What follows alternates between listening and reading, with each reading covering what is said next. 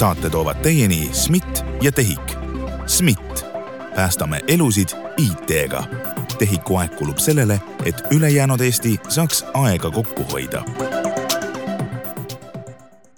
tere tulemast kuulama kriitilise intsidendi järjekordset osa, mina olen saatejuht Ronald Liive ja kaevun koos saatekülalistega E-Eesti telgid tagustesse. Tänase saate teema on selline, et päris ausalt kõik ära rääkida, ütleme siis niimoodi. jalutasin mina üks päev Geeniuse kontoris ringi ja siis tuli mulle meelde, kuna mulle jäi näppu üks ajakiri, mis kannab pealkirja Eesti maffia, meie IT eduloo niidid ja niiditõmbajad ja hakkasin seda lugema ja siis vaatasin, et Küberneetika on vot selline ettevõte, millest me ei ole veel siin saates rääkinud ja tegelikult see ettevõte on väga suuresti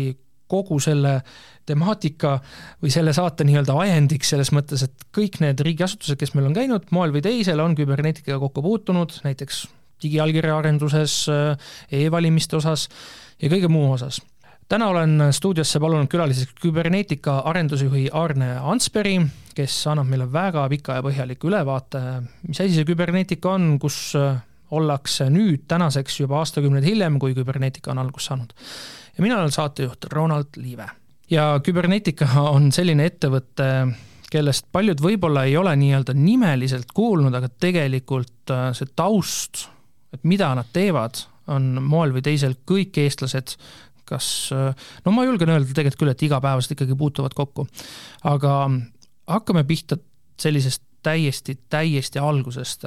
Mis see küberneetika on, millest ta välja kasvas, kuidas teie sinna jõudsite? küberneetika aktsiaselts on Küberneetika Instituudi järglane ja toimus see järglaseks saamine üheksakümne seitsmendal aastal teadusreformi käigus. see tegevus, millega Küberneetika aktsiaselts täna tegeleb suures osas ja millega me võib-olla ka kõige tuntumad oleme, see tegelikult hakkas juba Küberneetika Instituudis, kuskil üheksakümne kolmandal aastal hakkas see ütleme siis krüptograafia infoturbealane teadus- ja arendustegevus pihta ja see on jätkuvalt küberneetika selline põhifookus olnud. kui me alustasime väga väikselt, noh, ühes toas, siis täna me oleme eh, juba Eesti mõttes mõõdukalt suured, üle kahesaja inimese, kahes linnas, kasvame jätkuvalt edasi, ja üritame hoida sellist äh, fookust meie siis põhiteemadel ja kõik need inimesed moel või teisel tegelikult siis meie nii-öelda lihtsustatult öelduna e-Eesti heaks teevad tööd? no umbes pooled, kui nüüd käibe järgi vaadata, siis umbes pooled tegelevad Eesti asjadega ja poolte inimeste panus läheb siis kuhugi selline välismaa nurk on ka nüüd juba siis sees äh, hilisemalt tulnud, mitte seda kohe alguses ei olnud ju? jaa, loomulikult, et päris alguses me olime ikkagi hästi selline noh, riigi partner eh, igasugustes infoturbe, krüptograafia teemades, võiks öelda kompetentsikeskus. eks see mõte tuli niimoodi, et need asjad, mis meil Eestis hästi välja tulid, me nägime, et tegelikult nendel on ju potentsiaali ja see vajadus on igal pool ja ja, ja see oleks nagu ülimalt loogiline nagu noh, seda nagu laiemalt teha. väiksed kommertsminutid ka ehm, kunagi möödunud aasta kevadel äh, DigiPro äh, siis välja antud, et Geeniuse välja antud äh, selline ajakiri tuli ka, Eesti maffia, meie IT eduloo niidid ja niiditõmbajad ja te olete ka siis üks niiditõmbajatest. Ähm, ma tahaks öelda nüüd seda, et ma tean, hoolimata sellest, et me ei ole varem kokku puutunud niimoodi, ma eeldan, et te olete klassikaline eestlane, et väga endast nii-öelda niimoodi suurejoonelist ei räägi, aga tegelikult kui nagu kas või ainuüksi see artikkel selles artik-, äh, siis äh, läbi lugeda, siis noh, te saate ju öelda käsi südamel, et te olete selline mõneti, ütleme siis e-Eesti kasuisa, sest ma saan aru, neid kasuisasid ja kasuemasid on seal väga palju, ehk siis inimesi, kes on väga suurt rolli mänginud nojah, ütleme, et mul oli õnn sattuda sellisesse olukorda, kus ma pidin tegema X-teele nagu siis alguses turva ja juriidika analüüsi ja siis ühel hetkel nagu eh, sellest lähtudes välja mõtlema, et milline ta siis nagu tehniliselt saaks olla. ja noh ütleme, küberneetika ja noh, tegelikult ka isiklikus mõttes see oli niisugune väga niisugune meeletu kasvuaeg, kohutav entusiasm oli olemas, kõik asjad tulid väga kiiresti välja, eks ole, ma ütlen, et see X-tee nagu noh, ütleme algne loomine, see oli nagu selline noh, sellele vaatad nagu heldimusega tagasi, et, et, et millise nagu, millise nagu power'iga seda asja sai nagu teha, eks ole, noh õnneks kogu see keskkond seal ümber, kõik need teised organisatsioonid, inimesed, eks ole, kuidagi need, ma ei tea, noh, kõik asjad nagu klappisid, et selles mõttes tuli väga hästi välja. Ja noh, nüüd tagantjärgi vaadates need ideed ja põhimõtted, mis me seal sõnastasime, ma arvan, et siiamaani on väga-väga õiged ja väga nagu noh, mõistlikud asjad on lõpuks nagu kokku saanud ja nagu ma eelviidatud ajakirjast äh, lugesin eelnevalt, siis Tarvi Martens äh, omas ka sellist suurt rolli selles, et teie kübernetikasse jõudsite. ja, ja, et äh, tegelikult Tarviga ma puutusin kõigepealt Nõo keskkoolis kokku, tema oli minust üks aasta vanem, siis sealtkaudu ma nagu tundsin, teadsin teda, tema mahitas mind seal agattide taha kunagi arvutuskeskuses, siis tipis olime koos jälle, noh, seal meil oli natuke vanem, rohkem nagu vahet vist, Tarvi käis korra sõjaväes ja nii edasi ja ja siis ta kutsus jah, mind kõigepealt äh, jah, EKTAKosse ja siis sealt edasi Küberneetika Instituuti, jah nii et need kuulajad, äh, kellel nüüd kõrvad läksid kikki ja tahaks veel sellest rohkem kuulda, mis selles ajakirjas on kirjas, siis äh, Geeniuse lehelt leiate üles, saate veel selle endiselt osta ja ja kuna ajakiri enam nii värske ei ole, siis soodushinnaga, noh, mulle on öeldud. aga tulles tagasi siis küberneetika juurde,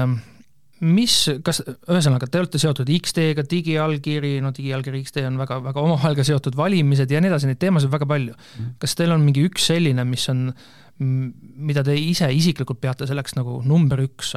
tänasel päeval ei, et tegelikult meil on päris mitu nagu sellist olulist ja tugevat teemat, millega me nagu tegeleme, noh, mis on nii, noh, võib-olla ütleme ühiskondlikult nagu olulised, eks ole, aga ka ettevõttele olulised, eks ole ja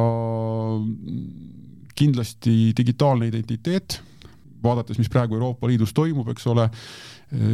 EIDAS kaks on tulemas tõenäoliselt, väga teistsugused kontseptsioonid, selle nagu lahti mõtestamine ja, ja nagu noh, vaatame, vaatamine, et me sealt ree pealt maha ei kukuks, eks ole, see on kindlasti nagu väga asi, millega me väga palju tegeleme interneti hääletuse turvalisus, jätkuvalt teema, millega me tegeleme, mis on nagu, nagu tähtis, siis koosvõime, turvaline andmevahetus, eks ole, asi, mis meil on ennekõike siis ekspordi suunal oluline, aga ka sellised lihtsamad asjad, Maksu- ja Tolliametiga teeme päris palju koostööd, ehitame seal keerulisi süsteeme. nüüd just käivitame projekti Military Mobility on inglise keeles teema, aga põhimõtteliselt eh, süsteem, mis eh, tagab selle, et väed Euroopas liiguksid kiiresti, kui on vaja õppustel, noh, loodame, et mitte kriiside puhul, et eh, valdkond, kus on väga palju nagu teha, just täitsa algusjärgus projekt. kaevuks teie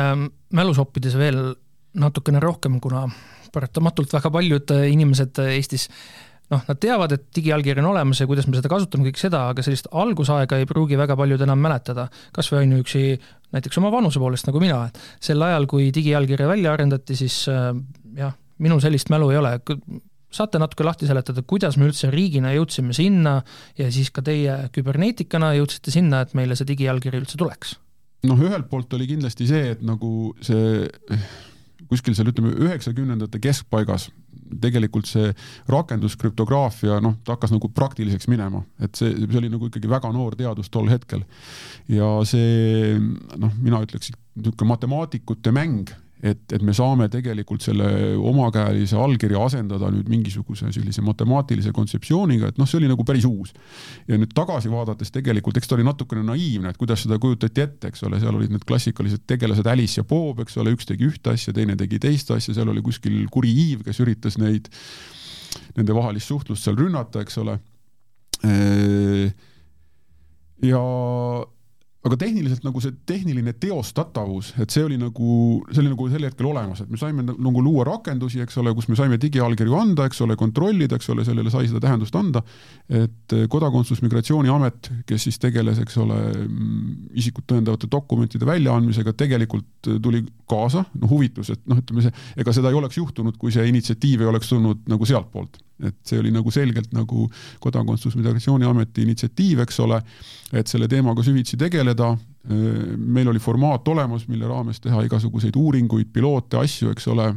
väga palju me tegelikult laenasime tol hetkel Soomest ja Rootsist, kes olid nagu selle teemaga nagu noh, jõudnud rohkem tegeleda et ühel ja teisel põhjusel nemad sellega nagu edasi ei läinud, noh, noh, soomlastel oli ID-kaart, võib-olla inimesed ei mäleta seda, mis oli vabatahtlik ja mis seetõttu tegelikult ei leidnud praktilist kasutust. rootslased väga olid väga olulised nende standardite väljatöötamisel, mida tegelikult praegu Eesti ID-kaart ka kasutab, eks ole. et nende käest me, ja noh, eks me siis võtsime parimat teadmist ja seni tehtud asju ja siis rakendasime neid nagu Eesti vankri ette et ka toona osati tulla juba küberneetika juurde ja rääkida teiega, et kui praegu tundub nii-öelda see, et näiteks Riigi Infosüsteemi Amet midagi teeb ja tegelikult taustal on väga palju küberneetika kõige sellega seotud, siis juba toona oli täpselt samamoodi? ma arvan, et toona võib-olla isegi oli lihtsam selles mõttes, et esiteks tänapäeval noh, see IT on nagu igal pool ja sellega tegelejaid on nii palju rohkem, eks ole, et kui protsentuaalselt vaadata, et kui palju inimesi nagu on hõlmatud, eks ole, siis ma arvan, et see on võib-olla on kümme korda rohkem inimesi, eks ole, kui, kui võis olla seal üheksakümnendate keskel ja tegelikult, kuna see Küberneetika Instituut oli või noh, ütleme see see rahvaste rändamine, mis, kus, mis seal üheksakümnendate alguses algas, kui noh, see teadusmaastik nagu reformeerus, eks ole, inimesed liikusid Küberneetika Instituudist ära nii riigisektorisse, nii nad liikusid erasektorisse, eks ole, igale poole laiali. aga noh, kogu see suhtevõrgustik ju tegelikult nagu säilis, eks ole, inimesed teadsid üksteist, usaldasid, teadsid, milleks keegi teine on võimeline, lubadused nagu maksid, eks ole. et noh, see ütleme, väike, väike kogukond, äh, tugevad sidemed, eks ole, et väga lihtne oli tulla küberisse ja nagu seal mingitel teemadel nagu ma ei tea, uuringuid teha, piloote teha. kuidas selle aja jooksul, kui teie olete nüüd aastakümnete jooksul e-Eestiga kokku puutunud, kui ühe sõnaga peaks seda ilmestama, kuidas, kuidas te ilmestaks seda? kas ta on aastate jooksul näiteks arenenud niimoodi, nagu teil kunagi oli see mõte või visioon, et ta võiks areneda või me ootame hetkel seda uut tiigrihüpet, mis paneks meid rohkem siis arenema? no mina ütleks, et see, et see e-Eesti on väga mõistlikult arenenud, et selles mõttes, et et noh, fakt on see, et kui sa alustad nullist, siis nagu nullist üheni jõudmine, eks ole, see on noh, nagu lõpmatu suur muutus tegelikult, eks ole, see on nagu lihtsam, kui jõuda ühest kümneni või, või, või ma ei tea, kümnest sajani, eks ole. et ma arvan, et meil olid seal kuskil üheksakümnendate keskel loodud seadusandlus oli tegelikult väga okei okay., et see oli nagu rakendatav, praktiline need süsteemid, mis nagu loodi selle seadusandluse nagu toeks ja najal, eks ole, seda ära kasutasid, need olid ka mõistlikud ja noh, enamuses on nad siiamaani ju kasutuses, eks ole, kogu meie selle e-identiteedi mm, süsteem, see, et meil on isikukood niimoodi noh, valdavalt igal pool kasutuses, et sa saad neid andmeid automaatselt äh, koondada, automaatselt nende pealt nagu mingeid otsuseid teha, äriprotsesse automaatselt siduda, noh, see toob kõik efektiivsuse ja, ja samamoodi noh, X-tee seal transpordikihina all, eks ole, et ähm, iske nüüd EITS, eks ole, ühtne infoturbe nagu halduse lähenemise süsteem, eks ole, need on kõik nagu väga siuksed pragmaatilised asjad ja noh, fakt on muidugi see, et kõik läheb keerulisemaks, et noh, kui üheksakümnendate keskel oli noh, võiks öelda nagu renessansi aeg, et teoreetiliselt võiks nagu üks inim-, võis to toona üks inimene nagu kõike hoomata. et noh, sellest, et kuidas nagu arvuti on tehtud kuni selleni, kuidas no ma ei tea, kasutajaliides on hästi, siis noh, juba jupp aega tagasi see oli, muutus nagu võimatuks, eks ole, et on nii palju spetsialiseerumist. ja see tähendab, eks ole, et ei saa nagu sellist järjekordset nagu ma ei teagi, mis äh, tiigrit, eks ole nii hopsti teha, eks ole, vaid sa pead nagu väga palju isikuid ja organisatsioone peavad tegelikult koos koostööd tegema selleks, et midagi nagu, nagu noh, tõeliselt uut jälle teha ja see on nagu suur ja palju suurem töö, kui me toona jõudsime ära teha, et korra käis ühest teie vastusest läbi seda liikumist era- ja avaliku sektori vahel, et mida siis nii-öelda toona aastakümneid tagasi oli, kas see on veel tänase päevani kehtib niimoodi? meie kogemuse järgi küll jah, et, et toimub küll liikumist. me siin saates küll peamiselt keskendumegi siis sellisele äh, avalikule sektorile ja üritame siis neile ka uusi töötajaid leida, aga kui küberneetika on meil juba külas, siis millega teie saate näiteks arendajad võluda sellega, et nad tuleksid hoopis teile tööle? meil on paar toredat asja, ma arvan, et see, et meil on selline teadus-arendusasutuse mm, nagu staatus, et meil on tõesti Infoturbe Instituut meie ettevõtte sees kus ongi teadlased tegelevad täiesti uute asjadega, seal on rakendusteadust, aga seal on ka täitsa fundamentaalteadust. Ja ma arvan, et ja, ja noh, see õppimine ettevõtte sees, see on meil nagu jätkuvalt väga väärtustatud, ehk et nagu võimalus väga lähedalt äh, näha ja tegelikult ka osaleda, eks ole, selliste väga uute asjade tegemises siis teine asi kindlasti see, et äh, meil on selline niisugune tore miks, et meil on ühelt poolt on mingid asjad, mis on nagu ülistabiilsed, et, et inimesed, kes hindavad seda, et ta nagu noh, hindavad rutiini tegelikult. et meil on nende jaoks nagu täiesti pakkumine olemas. ja inimesed, kes tegelikult äh, hindavad just seda, et kogu aeg on mingi muutus ja uus, uudsus, et meil on ka nendel inimestel olemas, eks ole, et selline väga, väga mitmekesine on see, see küberneetika, ütleme, küberneetika pakkumine tööjõuturul siis ja noh. Nii et avalik sektor ei pea olema nördinud, kui mõni nende väga helge pea tuleb küberneetikasse tööle, sest et äh, reaalsus on see väga suure tõenäosusega, ta tegelikult moel või teisel ta teeb nii-öelda selle suure e-Eesti jaoks tööd ikkagi endiselt edasi. jaa, kindlasti ma natukene, enne kui me selle teadustöö juurde läheme detailsemalt, äh, hüppan nii-öelda ajas tagasi, et seda võib meil siin vestluse käigus mitu korda tulla, kus edasi-tagasi lähme. Ähm, me sai, me rääkisime digiallkirjast e, e-valimised,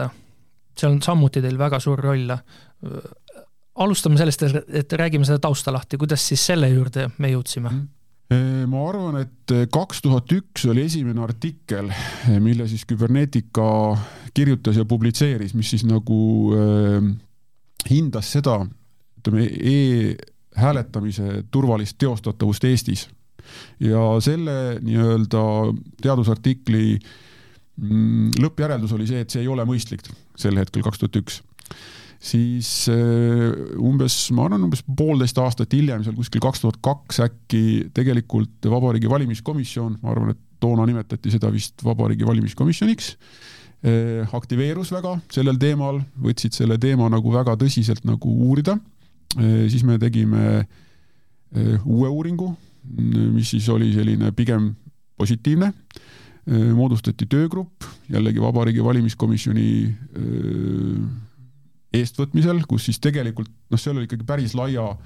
lai öö, hulk öö, ütleme siis infoturbe, krüptograafia eksperte kaasatud, kes siis nagu arutasid, mõtlesid seda kontseptsiooni, tegelikult tegid ka sellise riskianalüüsi sellele ideele, et, et võiks nagu noh, personaalarvutist anda häält, leiti, et seda põhimõtteliselt võiks teha, noh siis Vabariigi Valimiskomisjon liikus sellega edasi. nüüd täpselt nagu ma arvan, et kaks tuhat neli oli see aasta, kui siis eh, hangiti selle esimese internetihääletuse süsteemi loomist ja kaks tuhat viis olid meil siis esimesed valimised selle süsteemiga. ja noh, sealt edasi on siis, eh, kuna need esimesed valimised läbi ei kukkunud, siis sealt edasi on see töö nagu regulaarselt jätkunud kuna tänapäeval meeldib inimestele asju kontekstist välja rebida, siis eh, täpsustus, kaks tuhat üks oli esimene teie siis äh, küberneetika teadustöö mm., kus te leidsite, et e-valimised no ei saa veel teha mm.. aga siis te tegite natuke hiljem valimiskomisjoniga nii-öelda koostööd ja siis te leidsite, et nüüd saab teha. et meil ei oleks nagu mingit sellist, ähm, keegi ei saaks öelda, et, et see mm. ongi nii-öelda selline süvariik on selle e-valimised teinud. kas tegelikult äh, siis valimiste, valimiskomisjon ütles teile ette, et te peate nüüd äh, sellise teadustöö saama valmis, mis toetaks seda e-valimiste seisukohta? ei, ei kindlasti mitte, selles mõttes, et ikkagi teadusartiklid on ikkagi teadusartiklid ja, ja seal noh, lähtutakse sellest, mis mis, mida, mida selle artikli autorid nagu teada on saanud ja, ja siis usuvad, jah. Aga noh, ütleme vot siin on nagu küsimus on alati ju noh, turvalisust, nagu me teame, absoluutset turvalisust ei ole, eks ole, et see tegelikult lõpuks taandub kõik sellele, et kuidas hinnata riske, kuidas hinnata mingisuguste riskide tõenäo-, realiseerumise tõenäosust, kuidas hinnata nende riskide realiseerumise kaalukust, milliseid äh, nii-öelda meetmeid me saame nagu planeerida nende riskide realiseerumise vastu ja nii edasi, eks ole, et noh, et siit ähm, mitte kunagi ei ole nagu mustvalget vastust, et noh, et on, on täiesti turvaline või on täiesti ebaturvaline, et alati see vastus on niisugune ebameeldivalt äh, ma ei tea, mitte tõlgendamist, aga sellist nagu, nagu noh, mõtestamist nõudev, eks ole, et, et, et, et sellistel ja sellistel eeldustel me saame noh, mitte isegi midagi garanteerida, aga me saame nagu siis sellise, sellise tõenäosusega väita, et seal ei juhtu mingeid intsidente nii et see, mida tegelikult e-valimiste kriitikud ajavad taga, et keegi ütleks välja, et e-valimised on turvalised, siis mm. päris sellises sõnastuses ei olegi päris korrektne öelda selle, kogu selle e-valimiste süsteemi kohta, mis meil praegu kasutusel on no mitte ainult e-valimiste kohta, selles mõttes, et see on nagu, nagu täiesti fundamentaalne asi, et, et kui, kui, kui küsida noh, tegelikult iga, mis iganes tõsiseltvõetava Eh, teadlase käest, kes tegeleb infoturbega, et ta ütleks, et mingi asi on turvaline, siis ta ei ütle seda mitte kunagi. ta, ta ütleb, eks ole, tal on alati, tal on nagu eeldused, tal on nagu mingisugused asjaolud, millal mingi asi on turvaline ja millal mingi asi noh, ei, ta on isegi, mitte, mitte, ei, ta ei ütle isegi, et jah, et see on alati nagu tõenäosuslik. tulles nüüd selle teadustöö juurde tagasi, üks teie teadlane tegi, oli ta nüüd siis mööd-, ülemöödunud aastal, kui olid KOV-i valimised, tegi teadustööd sellist, kus ta lihtsustatult öelduna mängis reaalsete Eesti e-valimistega, et sel ajal ta siis üritas anda e-valimistel häält ise tehtud lahendusega, see tal moel või teisel nii-öelda õnnestus, aga ta häält ei loetud lõpuks ära, sest süsteem sai aru, et see hääl ei ole ikka päris õige, et see nii-öelda füüsilisest maailmast näidet tuues, ta ei kasutanud seda hääletamissedelit, mis talle jaoskonnast anti, vaid ta oli nii-öelda ise prinditud valimissedeliga justkui selle hääle andis. kuidas see nagu suhestub teiega, kas see, kas see, et te ise üritate sealt süsteemist leida nagu miinuseid, see peabki nii olema? see tegelikult eesmärk ei ole leida miinuseid, et kuna põhimõtteliselt on ju väga palju infot selle Eesti interneti hääletamise süsteemi kohta on avalik, kaasa arvatud need protokollid, spetsifikatsioonid, asjad, siis noh, põhimõtteliselt peaks olema võimalik igal inimesel, kes võib-olla ei usalda seda riiklikku valimisrakendust, luua oma rakendus, osaleda valimistel selle rakendusega, mille ta ise lõi, mida ta ise usaldas, eks ole. et see oli nagu noh, eksperimendi mõte oli see, et vaadata, kas, kas õnnestub, kas, kas tegelikult on võimalik ja noh, tegelikult on selliseid, selliseid teemasid on veel, eks ole, et noh, kui nüüd vaadata seda, seda spektrit, neid ettepanekuid või etteheiteid, mida nagu tehakse, eks ole, siis noh, auditeerimine on kindlasti üks asi, mida, mida öeldakse, eks ole, et, et valimised peaks olema nagu hästi nagu läbipaistvad, jälgitavad, auditeerivatavad erinevates sammudes, eks ole nüüd eh, see Eesti interneti hääletamise protokollistik on tegelikult sellest kahe tuhande viiendast aastast, kui teda esimest korda pruugiti, ikka väga-väga palju edasi arenenud. ta on nagu eh, krüptograafiliselt muutunud palju täiuslikumaks, seal on lisandunud kaitseid erinevate rünnete vastu, sinna on lisandunud omadusi, mis tegelikult teevad nüüd erinevad öö, sammud selles protsessis tõesti auditeeritavaks, mitte niimoodi, et nagu kuskil istub inimaudiitor, eks ole, kes keerutab pöidlaid ja ütleb, et jah, et tema vaatas, et kõik inimesed käitusid nagu tema selle protseduuriraamatu järgi ja järelikult kõik oli okei okay,, vaid sa saad nagu matemaatiliselt mingeid asju kontrollida, auditeerida ja noh, võtta sellest süsteemist välja mingeid selliseid päris suuri tükke, päris suuri olulisi tükke, eks ole, kus nagu matemaatiliselt on võimalik tõestada, et see süsteem käitus nagu korrektselt, nii nagu ta oli projekteeritud, nii nagu oli tõestatud, et on nagu turvaline. ja vabariigi nüüd siis riigi valimisteenistusel tänase nimega, eks ole. Nendel on auditeerimistööriistad olemas, nad saavad neid rakendada. nüüd noh, järgmine väljakutse oleks tegelikult see, et aga miks mitte teha kolmanda osapoole auditeerimisrakendus, miks mitte nagu kasutada neid äh, selle äh, valimiste andmestiku peal, et see oleks nagu kindlasti samm, mis aitaks nagu seda, ma ütleks, usaldust suurendada ja mingisuguseid äh, noh, mingiste, mingite kahtluste Äh, tõsiseltvõetavust äh, vähendada, et äh, ja noh, ma arvan, et seal on tegelikult selliseid teemasid veelgi, eks ole, kus, kus, kus nagu saaks nagu öö, teha asju, mis lõpuks annavad kaasa selle, et me saame seda noh, et meie ütleme niimoodi, et mitte, et me ei saa usaldada, vaid meie usaldusvajadus selle asja vahele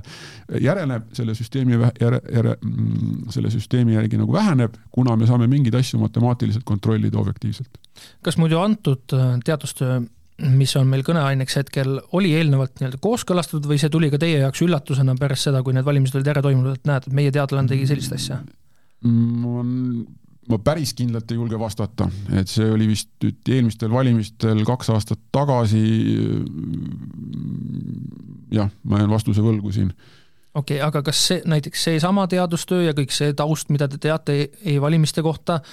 kas see annab teile endale isiklikult selle turvatunde, et teie julgete valimistel anda e-häält ja te teate, et keegi, mm. kes iganes ta on, ei saa süsteemis häält muuta, panna seda teisele erakonnale ja see hääl, mis te andsite sellele kandidaadile, läheb ka nii kirja? ja mina ise olen üsna mitmetel viimastel valimistel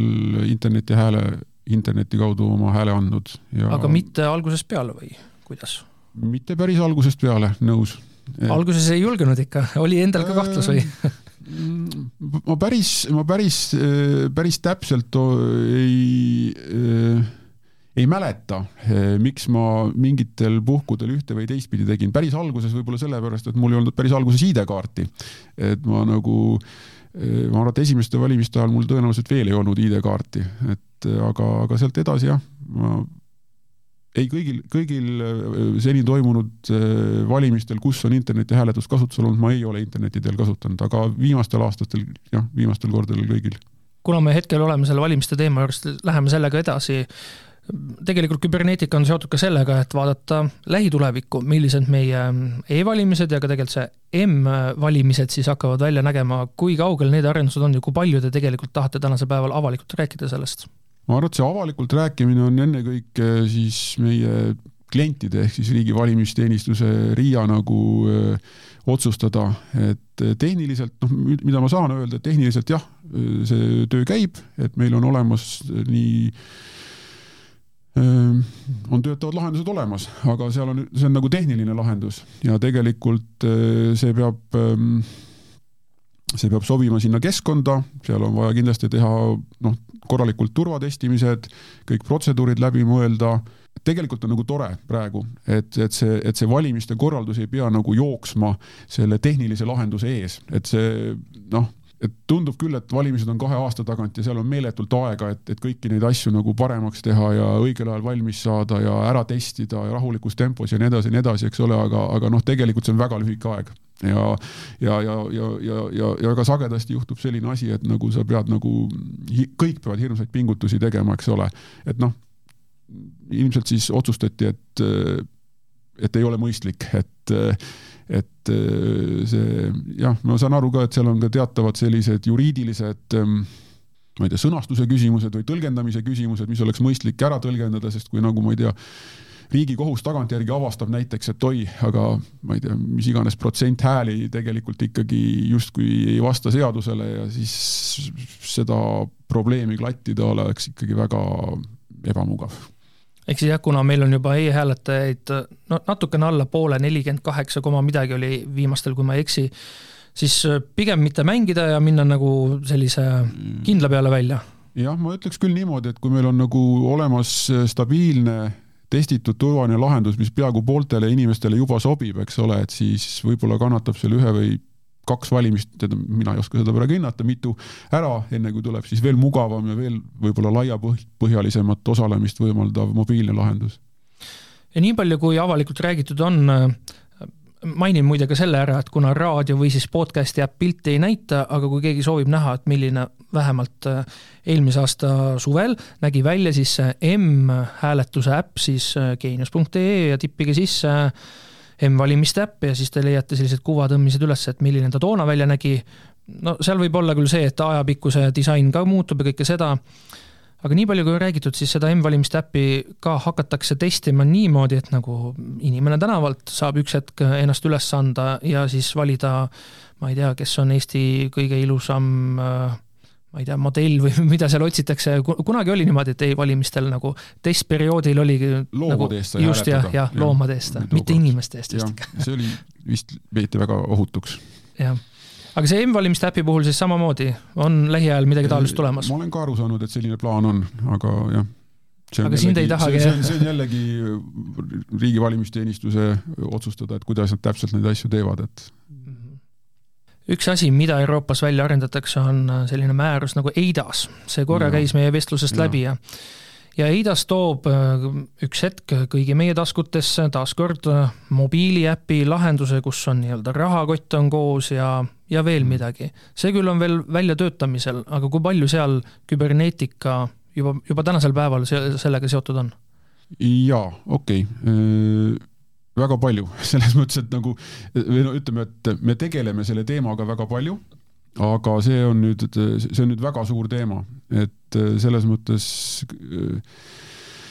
ma ei tea, võib-olla siin peaks ühe sammu tagasi astuma, et kõigepealt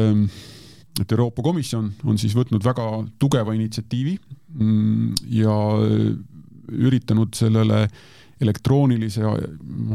autentimise ja, ja digiallkirja teemale läheneda nüüd natukene teise nurga alt, et, et see, see lähenemine, mis siis selle esimese EIDAS-e direktiiviga kehtestati, et tundub, et nagu üle-euroopaliselt see ei ole edukaks osutunud ja nüüd üritatakse siis võib-olla agressiivsemalt seda teha ja siis on sinna juurde võetud selline noh, ütleme alternatiivne lähenemine, et räägitakse, räägitakse siis wallet'ist, kuidas seda eesti keelde täpselt tõlgitakse, digikukkur, vähemalt no, see mulle ja, meeldib. see on, on, on, on, on, on kindlasti jah, üks, üks, üks sõna, mida kasutatakse, on kukkur tõesti seal. Mis siis, mis siis peaks nagu pakkuma sellist paremat ja, ja üle-euroopalisemalt laiemat kasutust leidvat viisi sinna. mis on nüüd väga uus asi tegelikult, on see, et, et on hakatud nagu lähenema sellele identiteedile natukene teistmoodi või või võib-olla tegelikult ongi õigem öelda niimoodi, et et on nagu kaks väga erinevat lähen-, lähenemisviisi identiteedile, et kuidas identiteeti defineeritakse ja noh, ütleme niimoodi, et siis Eestis võib-olla ma julgen üldistada ka Põhjamaades, identiteet on, infosüsteemidest räägime, et noh, me mõtleme seal isikukood, nimi, mingi sihuke unikaalne identifikaator, see ongi nagu identiteet. See ongi nagu see, eks ole, mis siis nagu autentimise tulemusel nagu teatavaks saab ja siis mille pealt kui on vaja mingisugust lisainfot, eks ole, siis tehakse päring registritesse, saadakse selle inimese kohta teada, noh näiteks, kes on tema lapsed, et kui on vaja talle mingisuguseid soodustusi osutada või noh, mis iganes infot on vaja teada saada. aga siis äh, teine lähenemine identiteedile on see, et identiteedina käsitletakse üldse kõike infot, mis on selle inimesega seostatav. et, et identiteet ei ole mitte see üks identifikaator, aga see on nagu kogu info selle inimese kohta. ja siis on äh, päris pikalt on olnud selline, ma ei tea, liikumine, initsiatiiv, et nagu inimene peaks oma identi-, saama nagu kontrolli oma identiteedi üle. ja, ja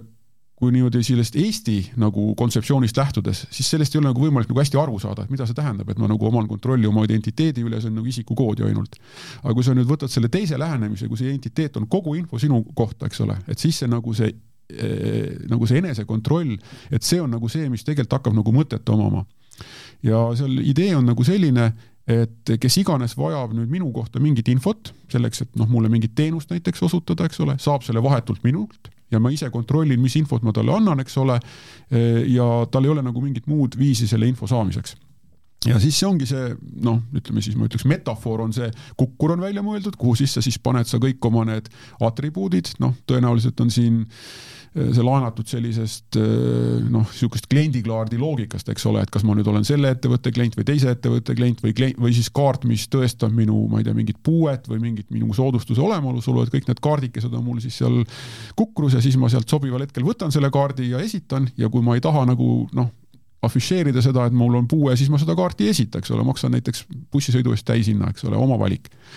ja tõesti, iga inimene otsustab ise, kuidas ta siis nagu seda teeb. ja nüüd see EIDAS kahe kõige suurem muudatus ongi, et see, see nagu see see lähenemine on nagu võetud nagu aluseks ja seda tahetakse nagu toetada infotehnoloogiliselt täisühilduvalt üle kõigi Euroopa Liidu riikide. ja tõepoolest nagu eesmärk ongi see, et nagu protokolli tasemele välja minnes äh, suvalisest riigist tulnud inimene, kellel on siis kukkur, tuleb suvalise teise riigi siis nagu noh, mingi osapoole juurde, kes võiks talle mingit teenust panna ja siis tõestab, et tal on mingisugune omadus või asi, eks ole. ja noh, sinna kõrvale siis on tegelikult säilitatud see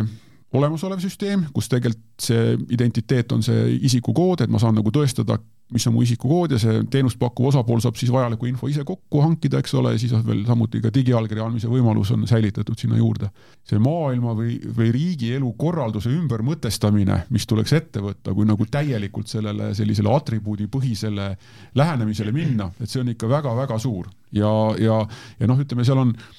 selle pooldajate üks väga suur argument on privaatsus. Nad ütlevad, et, et selline lahendus tegelikult tagab iga inimese privaatsuse palju paremini inimene ise kontrollib, kellele ta jagab infot enda kohta, eks ole, ja noh, ütleme ideaalis riigil ei ole üldse inimese kohta nagu mingit nagu noh, lisainfot eelnevalt, eks ole. ütleme siis nagu see pahupool on see, et see tegelikult tähendab seda, et mis tahes teenus, mida see inimene võiks nüüd riigilt saada, siis inimene ise peab seal selle algatama. Ta peab sellele olema aktiivne pool, ta peab andma kogu selle vajaliku info, eks ole, siis saadakse teha otsus ja siis talle see hüve anda või mitte, eks ole et kui meil siin Eestis on väga päevakorras proaktiivsed teenused, tahetakse, et riik nagu ähm, arvutaks ette välja, milliseid soodustusi inimesel on võimalik saada, kui tema elus toimub mingi sündmus, ma ei tea, sünnib laps, eks ole, mis iganes tal on, eks ole ja inimene ise ei peaks nagu askeldama seal edasi-tagasi, vaid see nagu tulekski talle see hüve talle kohe kätte, siis noh, need on nagu risti vastupidised liikumised. et kui me nüüd läheme sellise tõsise atribuudipõhise identiteedi peale, siis nagu proaktiivsete teenuste loomine ja osutamine, see on nagu noh, ma ei, ma ei julge öelda jälle, et see on välistatud, aga see muutub palju-palju keerulisemaks, kohmakamaks ja ebaefektiivsemaks, eks ole. ja noh, võib-olla üks asi, mis, mis, mis minul endal on väga nagu, ma ei tea, südamelähedane, on see efektiivsuse teema. et minu meelest tänapäeval riigid ei saa endale lubada seda, et nad on ebaefektiivsed, lihtsalt see globaalne konkurents on niivõrd niivõrd võimas, eks ole, et, et iga riik, iga, iga, iga, iga ühiskond peab olema maksimaalselt efektiivne ja, ja noh, siin tuleb nagu ma ütlen siis kompromisse teha, eks ole, kuhu see ühiskondlik lepe panna, eks ole, et noh, inimesed on ju tegelikult kokku tulnud selleks, et nad oleks koos võimsamad, eks ole. ja selle, selle riigi käest mingite hüvede saamiseks paratamatult tuleb sellele midagi vastu anda, eks ole, et on see siis oma andmed selleks, et riik saaks sulle seda proaktiivset teenust teha või midagi muud, eks ole, et noh niisugune, läheb natuke filosoofiliseks, aga, aga ta tegelikult, tegelikult on ka, ma arvan, et need kaks nagu koolkonda, kaks identiteedi koolkonda, need ongi nagu väga niisugused juba filosoofiliseks kisuvad ära. aga noh, teistpidi on nagu huvitav ja ma ütleks väljakutseid pakkuv see, et nagu,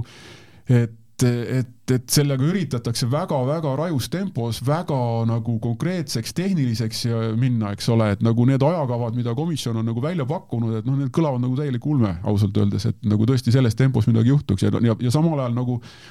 väga palju asju toimub paralleelselt, et ühest otsast tehakse seadusandlust, siis tehakse sinna kõrvale arhitektuuriraamistikku, siis on juba sellise nii-öelda üle-euroopalise sellise ütleme referentskukru loomise projekt on käimas, siis on äh, suured pilootprojektid, tõesti nagu väga massiivsed pilootprojektid, et erinevaid rakendusi hakata piloteerima, mis võiksid selle kukru peal siis toimida, noh, et nii palju asju nagu toimub korraga. ja noh, lisame siia veel igasugused teemad, ma ei tea tegelikult peaks valmistuma ka kvantarvuti tulekuks, eks ole, mis meie sellise hetkel kehtiva avaliku võtmega krüpto kõik nagu ära pühib, eks ole, kuidas see kõik ühilduvaks teha, et seal on nagu neid uurimisteemasid, ütleme, teadlastel on väga-väga tore, nagu uurida on meeletult, nagu neid igasuguseid intrigeerivaid ülesandepüstitusi teha on, on nii palju võimalik. kas teie hindate ennast selle lahenduse pooldajaks või pigem mitte? Mina arvan niimoodi, et, et see, mis praegu meil Eestis nagu see süsteem, mis meil Eestis toimib, eks ole, et nagu Eesti väljakutse on tegelikult see, et hoida ära, et, et sellist nii-öelda Eesti riigi elukorraldust ei keelataks ära, et ma ei usu, et see tõenäoline on, aga noh, me ei saa nagu ühtegi asja nagu noh, võtta, et see nii on, eks ole, et selle nimel, kõige nimel tuleb tööd teha, tuleb nagu aru saada, mis on need suundumused ja märgid, eks ole, sest noh, ma arvan, et see on nagu, see on demokraatliku riigi jaoks, ma arvan, väga-väga okei okay, nagu süsteem, mis Eestis on praegu loodud, eks ole, ja seda tasuks nagu hoida. Aga kindlasti sellel kukrupõhisel asjal on omad nagu, nagu plussid, eks ole, et nagu noh, üks asi, mida tegelikult me ei ole nagu lahendanud, on see, et, et kuidas sa tõestad eh, siukses nagu füüsilises suhtluses, eks ole, näost näkku suhtluses, mitte üle interneti mingisuguseid omadusi selleks, et teine osapool saaks sulle mingit hüve anda, eks ole, on see siis, ma ei tea, vanuse tõestamine, puude tõestamine või mis iganes muud asjad. ja see on nagu see, mida see kukkur lubab meie jaoks nagu ära lahendada noh, me mingi aeg tagasi oli siin mingi teema plastkaartidega, mida hakati jagama puuetega inimestele, et need saaks nagu eraettevõtete äh, ühistranspordivahendites nagu tasuta sõitu, eks ole, jälle suur skandaal, või mitte skandaal, aga ütleme, niisugune ažiotaaž oli, eks ole, et et miks seda ei saa ID-kaardiga teha, miks seda ei saa teist ja kolmandat moodi teha, et noh, see Kukur lubab nagu pakkuda universaalset efektiivset lahendust sinna inimestele, kes kasutavad nutitelefoni, et nagu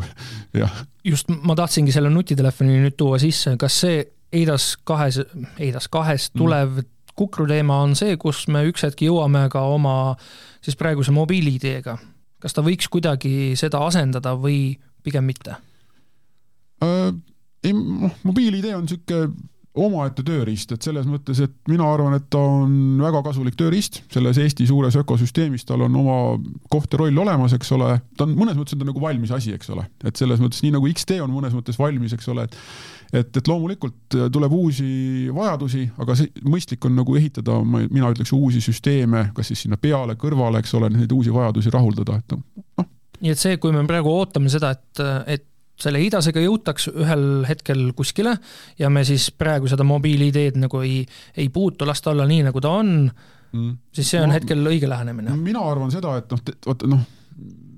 et, et, et, et mõistlik on see, et, et tuleb see kukkur nagu vastu võtta maksimaalselt hästi, ta ei asenda esialgu mitte midagi, ta tuleb nagu lisaks, noh, reaalselt ilmselt tekib ka lisakulu sealt, eks ole, aga ta lahendab ka mingeid reaalseid probleeme, eks ole, siis on nagu, ma ei tea, meie või siis riigi asi nagu mõistlik lahendus selle või mõistlik kasutus sellele leida, eks ole et kindlasti on siin nagu üle-euroopalist koostööd hästi palju ette näha, et eh, noh, see ütleme, see maastik kindlasti muutub, et noh, kui meil praegu ikkagi see autentimine, digiallkirjastamine on siin suhteliselt nagu riigikeskne, okei okay,, meil on niisugune meeldiv erand Smart ID näol, kus tõesti nagu riikideüleselt on nagu üks süsteem töötab, mis on kindlasti positiivne ma arvan, et selle Kukruga see asi läheb nagu laiemaks. et ja noh, ütleme niimoodi, et realistlik on arvata, et kuskil, ma ei tea, kümne aasta pärast võime öelda, et, et see Kukkur on nüüd täielikult mingisugused olemasoleva asja meil ära asendanud ja me ei pea nagu järgmist riigihanget selle süsteemi elus hoidmiseks korraldama, võime ta nagu käigust maha võtta korra käis vestlusest läbi selline märksõna nagu kvantarvutid. nii palju, kui mina tean, siis küberneetika mõtleb tänasel päeval juba sellele, et kuidas ka meie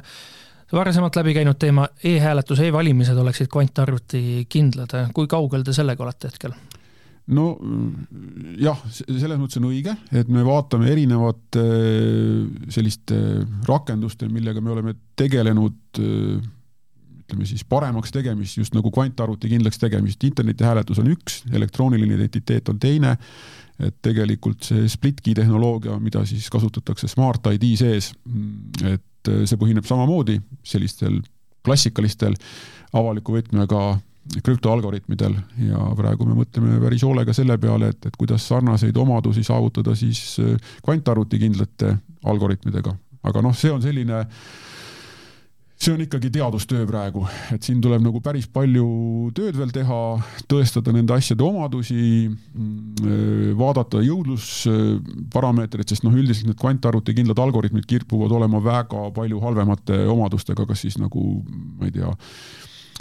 algoritmi kiiruse mõttes või vahetatavate andmete mahtude mõttes või et noh, nad ei ole nagu üks-ühele asendused mitmetes, päris mitmes kohas, ma arvan, et seal tuleb nagu sellist nagu laiemat äh, ümberkorraldusi hakata tegema. Kui kaugel me üldse kvantarvutitega oleme, kui kaua me veel neid ootama peame ja hakkama sellele mõtlema, et kus tõesti, no ma ei tea, kas järgmised valimised ikka saavad äh, siis e-valimised toimuda? See noh, raske on öelda, eks ole, et noh, üks asi on see, et sa vaatad seda progressi, et noh, tegelikult progress on, et, et tööd tehakse, raha kulutatakse ja tulemusi tuleb, eks ole. et seal on muidugi väga noh, tõenäoliselt on vaja ikkagi mingit läbimurret selleks, et jõuda sellise kvantarvutini mis nagu murraks seda krüptograafiat reaalselt, et noh, kvantarvutitega saab hea, saab noh, mitte hea, kvantarvutitega saab igasuguseid asju teha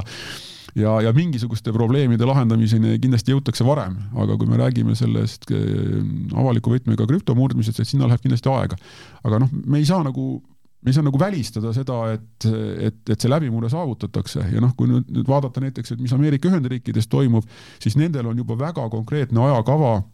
selleks, Eh, mis tempos juurutada eh, praeguste algoritmide asemele algoritmid, mis on kvantarvutikindlad. ja kui ma nüüd peast õieti mäletan, ma arvan, et aastaks kaks tuhat kolmkümmend viis nad lõpetavad selle tegevuse. ja ma arvan, et meil ei ole mõtet arvata, et me oleme väga palju targemad kui nemad nendes ennustustes. Tulles vestluse alguse juurde tagasi, kui ma ei eksi, kakssada töötajat küberneetikas ja ja te mainisite ära ka, et kõik ei tee nii-öelda Eesti heaks tööd, kui, mm. mis riikides te siis veel tegutsete? See pilt on väga kirju ja see aastast aastasse muutub, sest meil on nagu päris palju on sellist äh, nii-öelda tootearendust ja siis toodete juurutamist ja meil on noh, kui on meil juurutusprojekt, eks ole, siis meil on selles riigis sellel aastal nagu mingisugune nii-öelda käive. kui ta on juurutatud, siis see käive on väike, see on ainult võib-olla hooldus, eks ole. aga noh, kui nimetada siin Ukraina, on kindlasti väga oluline. Kybernetica on Ukrainas juurutanud meie andmevahetusplatvormi UXP, seal on selle asja nimi Trebita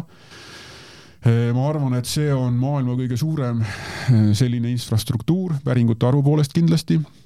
Eh, ja praegu me tegeleme just sellega, et siis liikuda edasi, neil on terve hulk nagu soove, et, et Rebita kaks null silmapiiril. Siis... kas sellised riigid nagu Valgevene, Venemaa, nendega te pole kunagi koostööd teinud moel või teisel? me ei ole kunagi nendega koostööd teinud, jah. Serbia? Serbia, ma arvan, et me Serbiasse kunagi ammu üritasime X-tee pakkumust teha juba aastaid, väga palju aastaid tagasi, aga jah, ei, pigem mitte. kuidas muidu teil see kogemus on nagu laienemise suhtes, kui palju on seda olnud, te olete mõnda riiki laienenud, olete seal natukene olnud, midagi teinud ja siis olete näinud, no ei tule välja, et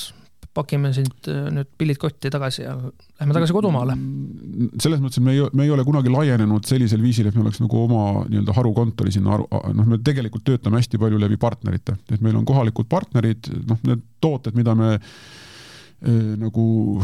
müüme, need on nagu päris raskekaalulised, et see ei ole selline noh, ilma kohaliku partnerita ei ole seda mõistlik nagu teha tavaliselt. kindlasti on olnud riike, eks ole, kus me oleme,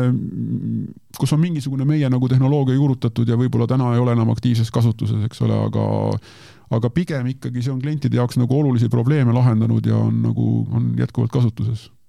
ja ma saan aru, et üks selline tulevikusuund või tegelikult mitte isegi tulevikusuund, vaid tänane päev küberneetika jaoks on ka kosmos või kosmosetööstus teeme päris aktiivselt ESA-ga koostööd, lahendame seal noh, see on, see on nüüd ennekõike siis meie instituudi sellised töö, tööd ja asjad, et tõesti nagu äh, mitte ütleme selliste olemasolevate tavatehnoloogiate rakendamine, aga pigem nagu uute tehnoloogiate väljatöötamine ja siis vaatamine, kuidas see aitaks nüüd ESA probleeme lahendada. Head kriitilise intsidendi kuulajad, saite väga pika ja põhjaliku ülevaate sellest, et algusajast nii-öelda, kus me oleme tulnud, kuidas meile tuli kõik see digiallkiri e, e-valimised, mis on see ettevõtte küberneetika, mis on sellega väga tihedalt seotud olnud nii toona kui ka täna saates oli külas küberneetika arendusjuht Arne Ansper. mina olin saatejuht Ronald Liive ja kohtun teiega uuel nädalal, kuid hõikan välja üleskutse kõigilt kuulajatelt, kui teil on mõtteid, ideid ja soove, keda või mida saates kuulata, siis saatke meile geenius.geenius.ee meil ja kirjutage, mis ettevõttest või millisest riigi loodud e-teenusest te soovite rohkem lähemalt kuulata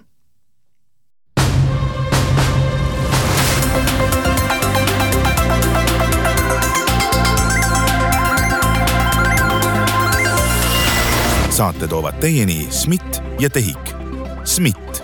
päästame elusid IT-ga. TEHIK-u aeg kulub sellele, et ülejäänud Eesti saaks aega kokku hoida